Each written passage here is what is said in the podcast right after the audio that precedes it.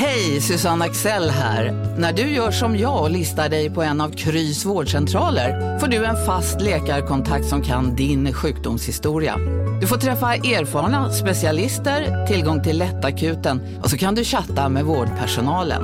Så gör ditt viktigaste val idag, lista dig hos Kry. Kurrar i magen och du behöver få i dig något snabbt? Då har vi en Donken deal för dig. En chicken burger med McFeast-sås och krispig sallad för bara 15 spänn. Varmt välkommen till McDonalds.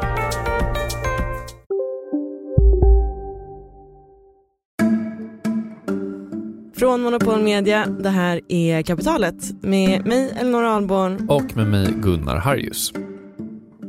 1680 ungefär flyttar en man som heter Edward Lloyd till London. Han slår sig ner i distriktet som är centrum för eh, maritim handel och öppnar ett café. Mm.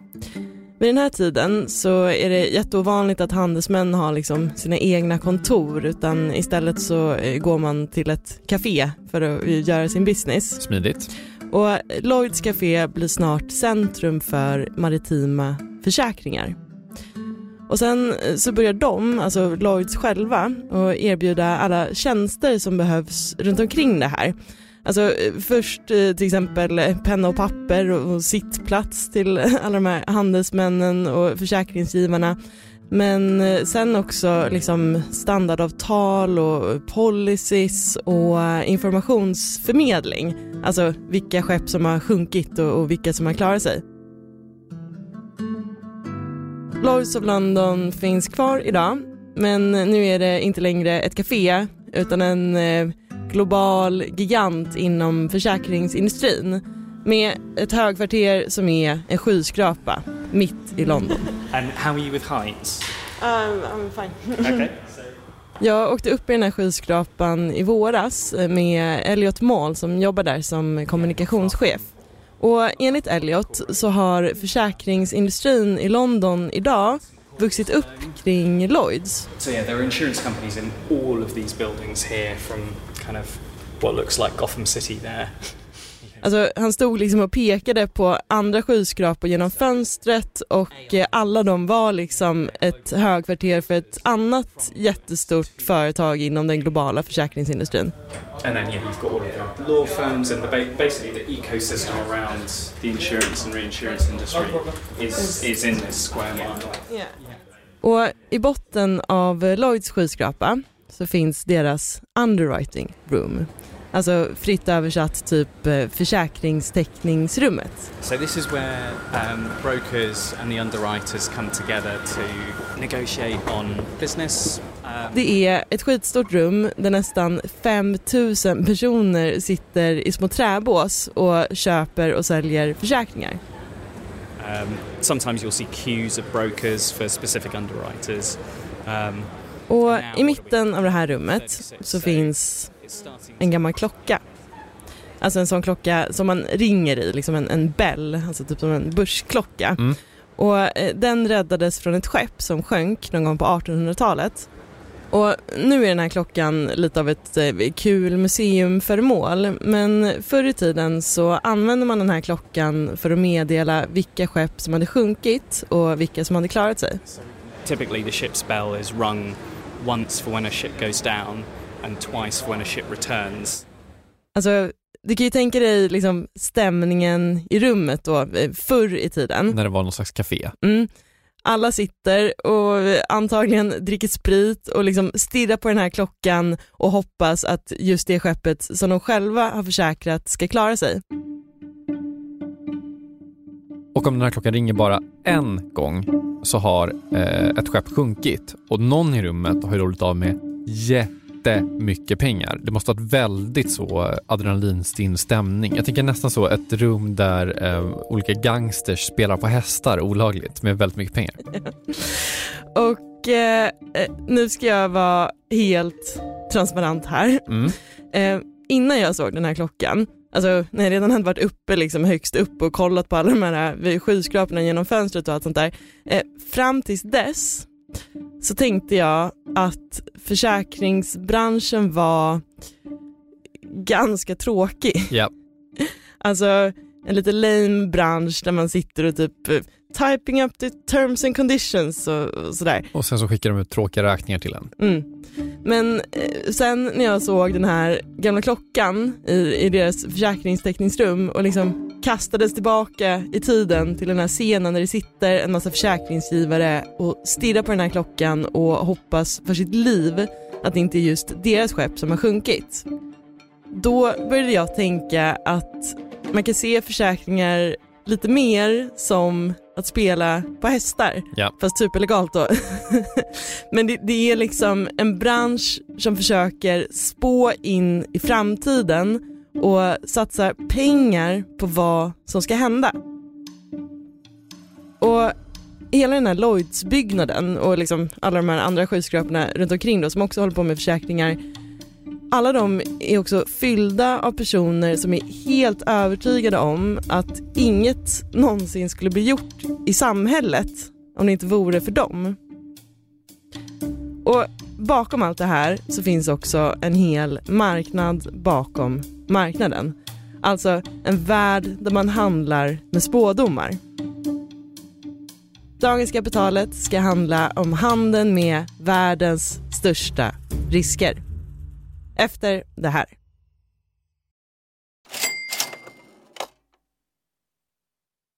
Kapitalet sponsras av SPP och Storebrand Asset Management. Eh, Storebrand och SPP hör ju ihop sedan många år och utan att gå in på några detaljer här och nu så kan vi i alla fall säga att eh, Storebrand förvaltar över 1200 miljarder kronor bland annat åt just SPP.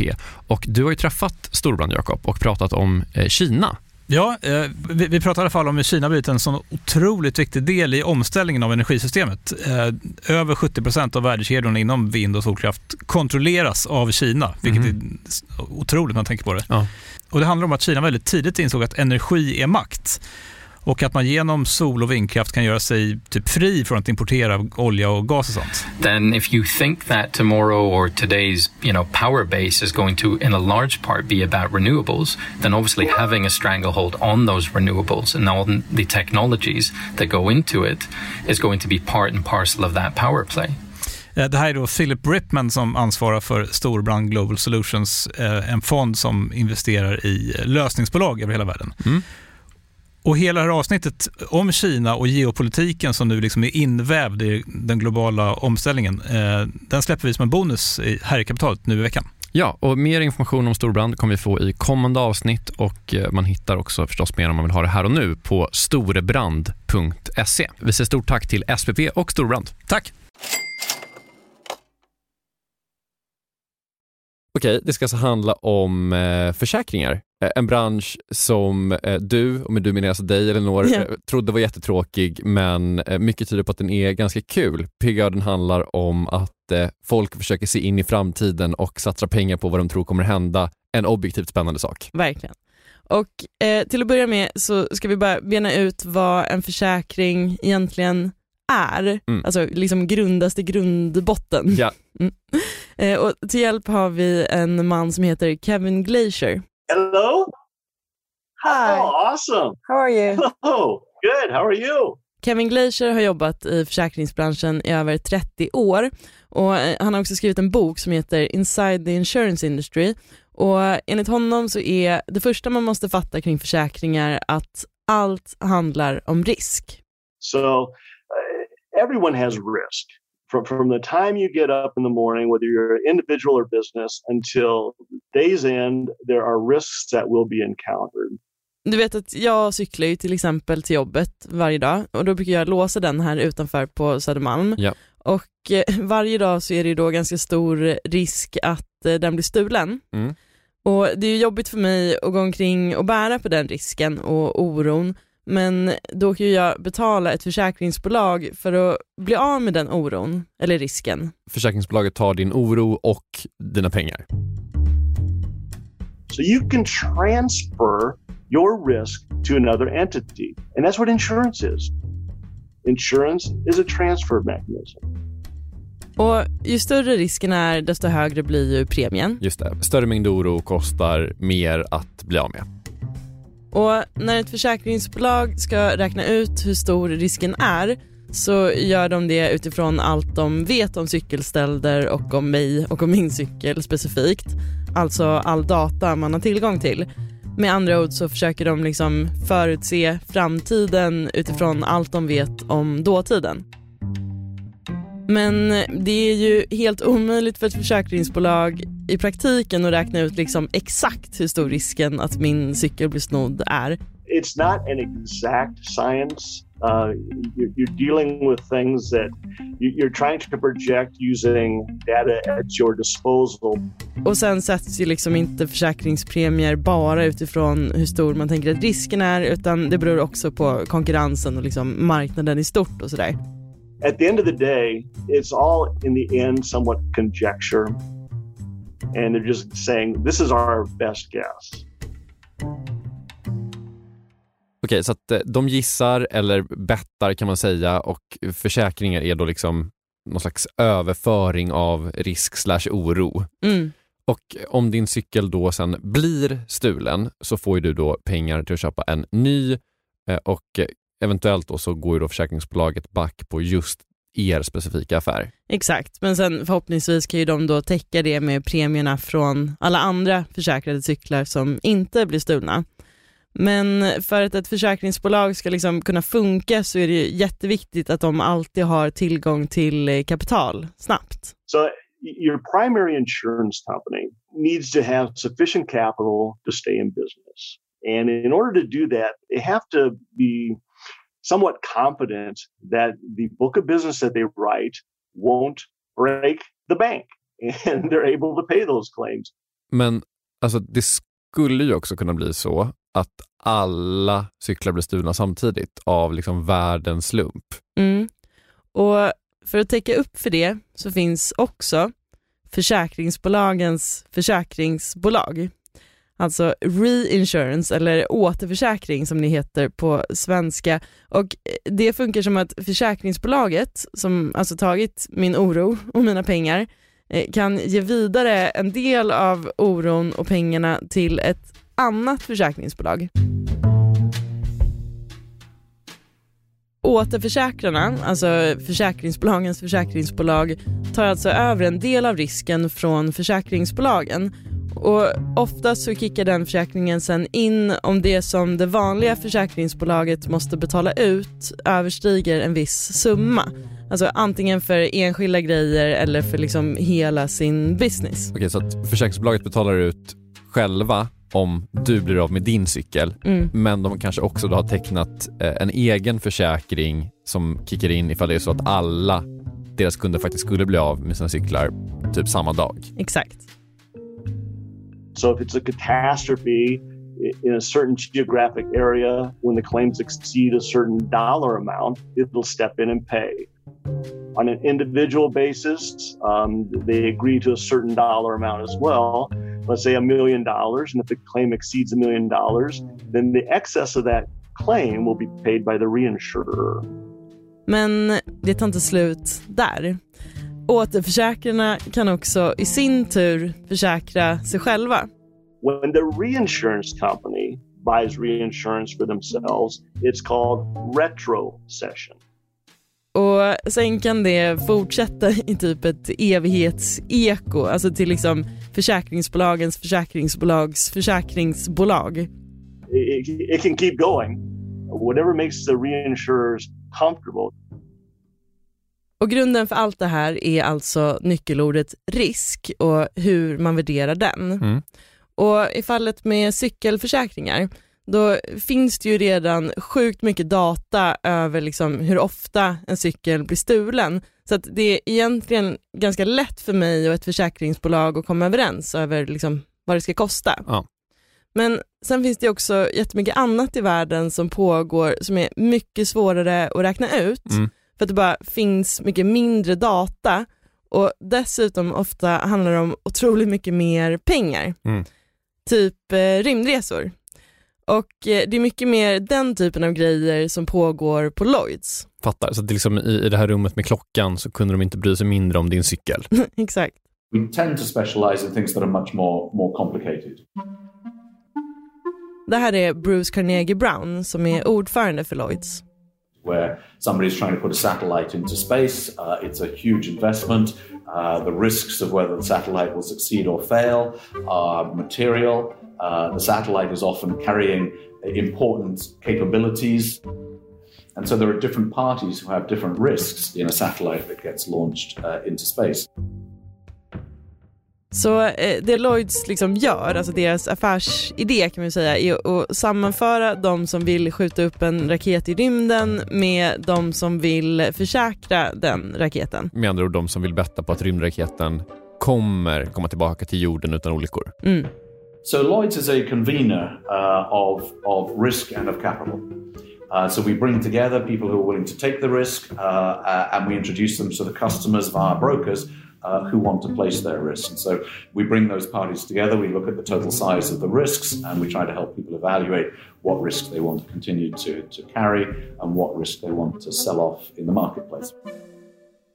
Lloyds marknad är alltså en sorts eh, försäkringshubb. Här finns det liksom både försäkrare och återförsäkrare och eh, massa grejer runt omkring. Eh, och det man håller på med är i grund och botten att försäkra det dyraste och mest komplicerade som finns.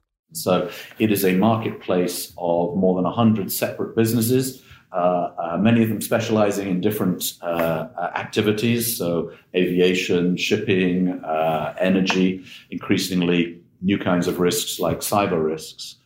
Och de har ju alltså funnits sedan 1600-talet och liksom genom alla år så har man liksom försett försäkringsbranschen med det den behöver, typ alltså så här, avtal och policies och typ informationsförmedling. Alltså, det var till exempel deras signalsystem som först plockade upp att eh, Titanic hade stött på ett isberg. Alltså innan media och myndigheter fick reda på det? Mm. Och de håller också på med mycket mindre specialförsäkringsgrejer än liksom rymdskepp och, och Titanic. Eh, alltså där det inte är så mycket pengar inblandat men heller inte går att ta med vanliga försäkringsbolag för att det liksom är så svårt att räkna ut risken. We're quite famous for insuring uh, people's legs, whether they're dancers or footballers, and um, and you know those kind of specialty risks for very valuable uh, dancers like Rudolf Nureyev or footballers like David Beckham. Um, are, are, quite specialist risks to underwrite. There just aren't that many millions of legs that get insured uh, in a very uh, algorithmic way. But that's, in truth, it's quite a small part of our business. Och bara för att här. Det är alltså inte Lloyds själva som liksom David Beckham överför sin risk och oro över sina ben till, utan Lloyds presenterar honom för någon som vill ta emot den, alltså betta på att hans ben kommer hålla hela karriären typ. Exakt. Och sen när det gäller större grejer, alltså rymdresor till exempel. Alltså saker som kostar hur mycket som helst. Mm. Eh, då ska också alla olika delar av den här raketen och resan försäkras av olika parter som kanske också förhandlar med varandra och sen ska jurister kopplas in. And of course the more complex the transaction, uh, the more you've got to get around the table and, and understand the risks and, and put together a solution and a policy. Och sen har Lloyds också ett system som gör att de går in som en sorts eh, garant för att pengarna väl betalas ut om eh, olyckan skulle vara framme. Om David Beckham får en väldigt hård spark på benet. Okej, så en försäkring är då någon slags liksom, sätt att flytta över oro slash risk och pengar till någon annan. Mm. Ibland så är den risken så pass stor att man måste dela upp den med en massa olika aktörer och då finns det en marknad då som är Lloyds där de har massa olika globala parter som dealar med världens största risker. Japp.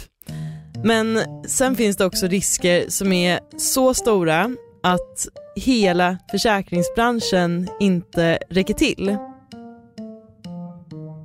Hur handeln med världens största risker spiller över på resten av världen.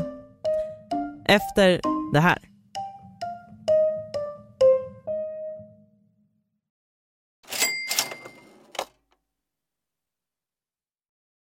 Jakob, vi har ett samarbete med Pareto Business School och det här är jag rejält nyfiken på. För ja. att eh, eh, så här, vi jobbar ju sida vid sida, bokstavligen, sitter bredvid varandra och då och då så håller du upp ett finger och säger nu måste du vara tyst i en timme för nu ska jag eh, göra något Pareto. Exakt. Ja. Eh, Jag gillar ju att lära mig nya saker, det gör ju många journalister. Eh, Så den här våren går jag då en åtta veckor lång så kallad mini-MBA. Eh, Alltså jag hade gärna gått riktig MBA också, men, men eh, ja, inte tiden det kräver och, och framförallt ingen arbetsgivare som vill betala 800 000 för att låta mig göra det. Nej, eller kanske du har. Du är ju arbetsgivaren. ja, snål, snål arbetsgivare. Mm.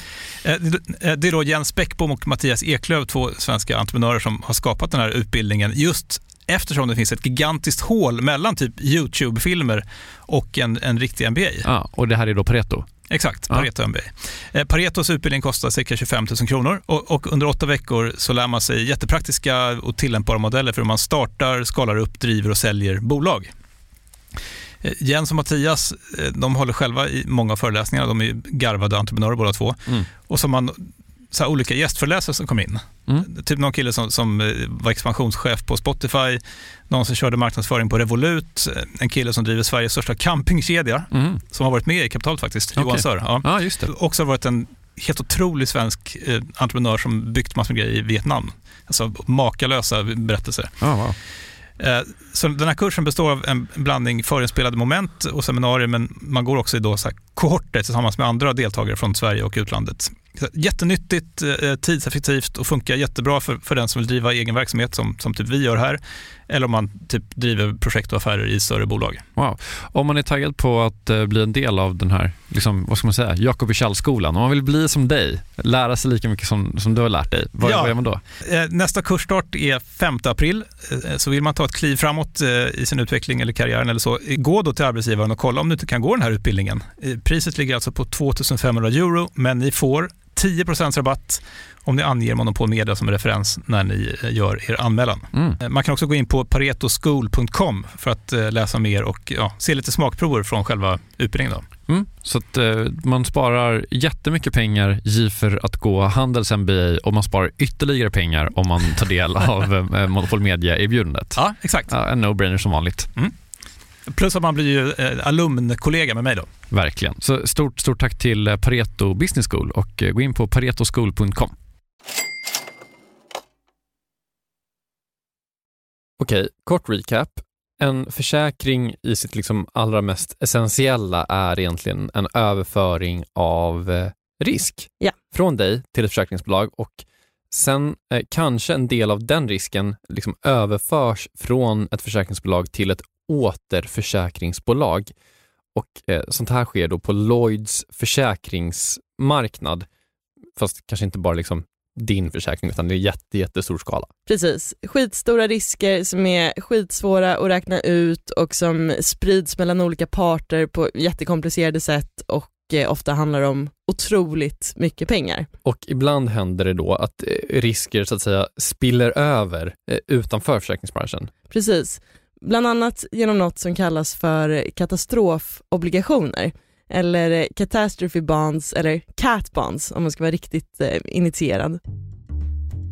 So uh, a catastrophe bond is, is typically a bond that is put together on sound insurance principles in terms of the pricing and the probability of loss, but it is designed to attract what we would call non-traditional capital. So it's typically capital that comes from the investor market rather than from the insurance market.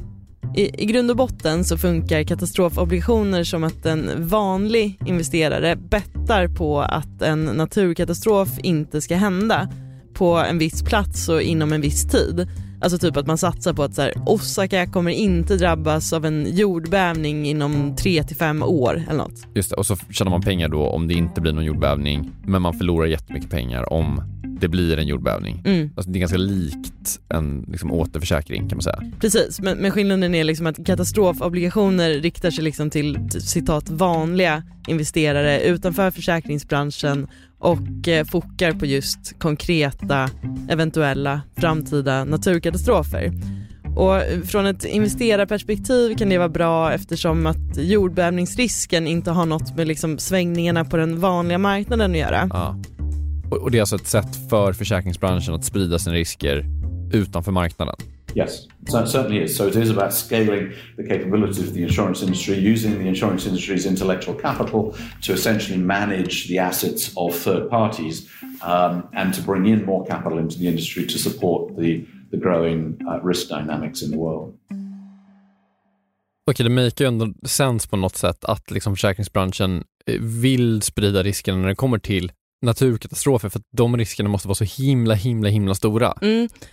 Men grejen är att i Lloyds värld så finns det också risker eller situationer som är liksom ännu större än så, som får naturkatastrofer att kännas ganska hanterbara. If you think about a, a hurricane, uh, a hurricane is limited by geography and time. So it happens in a particular place and it lasts for a particular time. And in that sense, uh, the risk is very insurable because we are taking premiums for hurricane risks in all, all other parts of the world, but the hurricane actually only arrives in one part of the world. So back to this point about collecting the premiums of the many but paying the claims of the few. Så på samma sätt som man kan använda premierna för många cyklar för att betala för min cykel när den blir snodd, så tar man liksom premierna från många orkanförsäkringar för att betala för en när den väl händer. Mm. Men problemet uppstår när det sker katastrofer som drabbar liksom hela världen samtidigt och eh, har konsekvenser som kan pågå liksom hur länge som helst.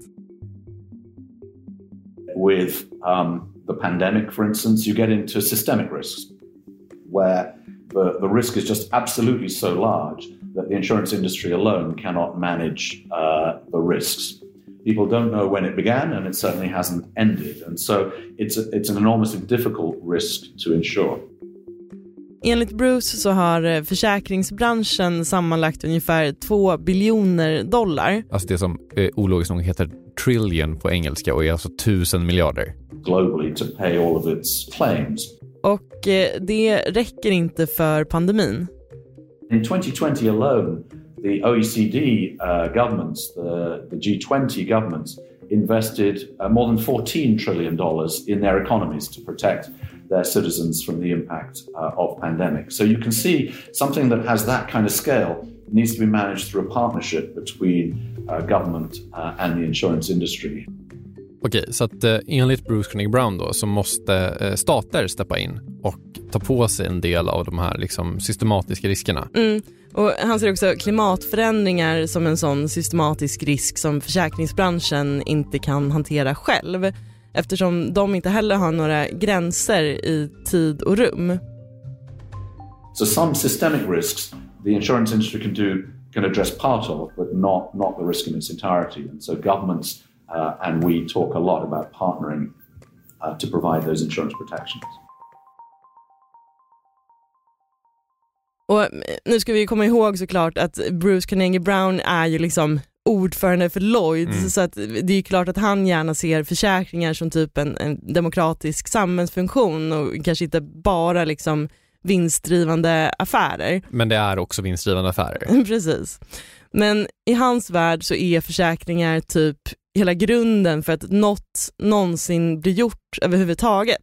It's an enabler of people taking more risks than they would otherwise uh, be able to take. I think the other societal benefit that it has is that essentially the model of insurance is to collect the premiums of the many and to pay the claims of the few. Och som det funkar idag så är det ju sant att liksom ingen enskild aktör kan typ bära hela risken för en rymdresa helt själv. Mm. Det är liksom för mycket oro och risk så att den måste spridas ut på andra.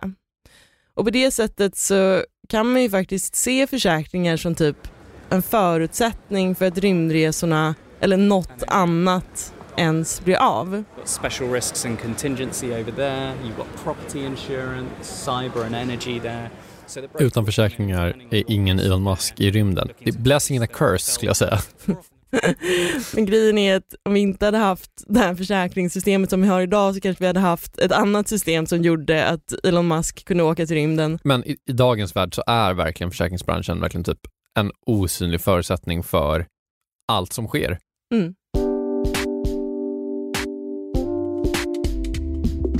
Kapitalet är slut för idag. Vi som har gjort det här avsnittet heter Elinor Alborn och Gunnar Harrius. Marcus Mori Haldin jobbar också på redaktionen. Vi har också en chef som heter Jakob Hursell och slutmixen är gjord av Jesper Hagenborn. Vi är tillbaka igen om en vecka. Hörs då! Hej då!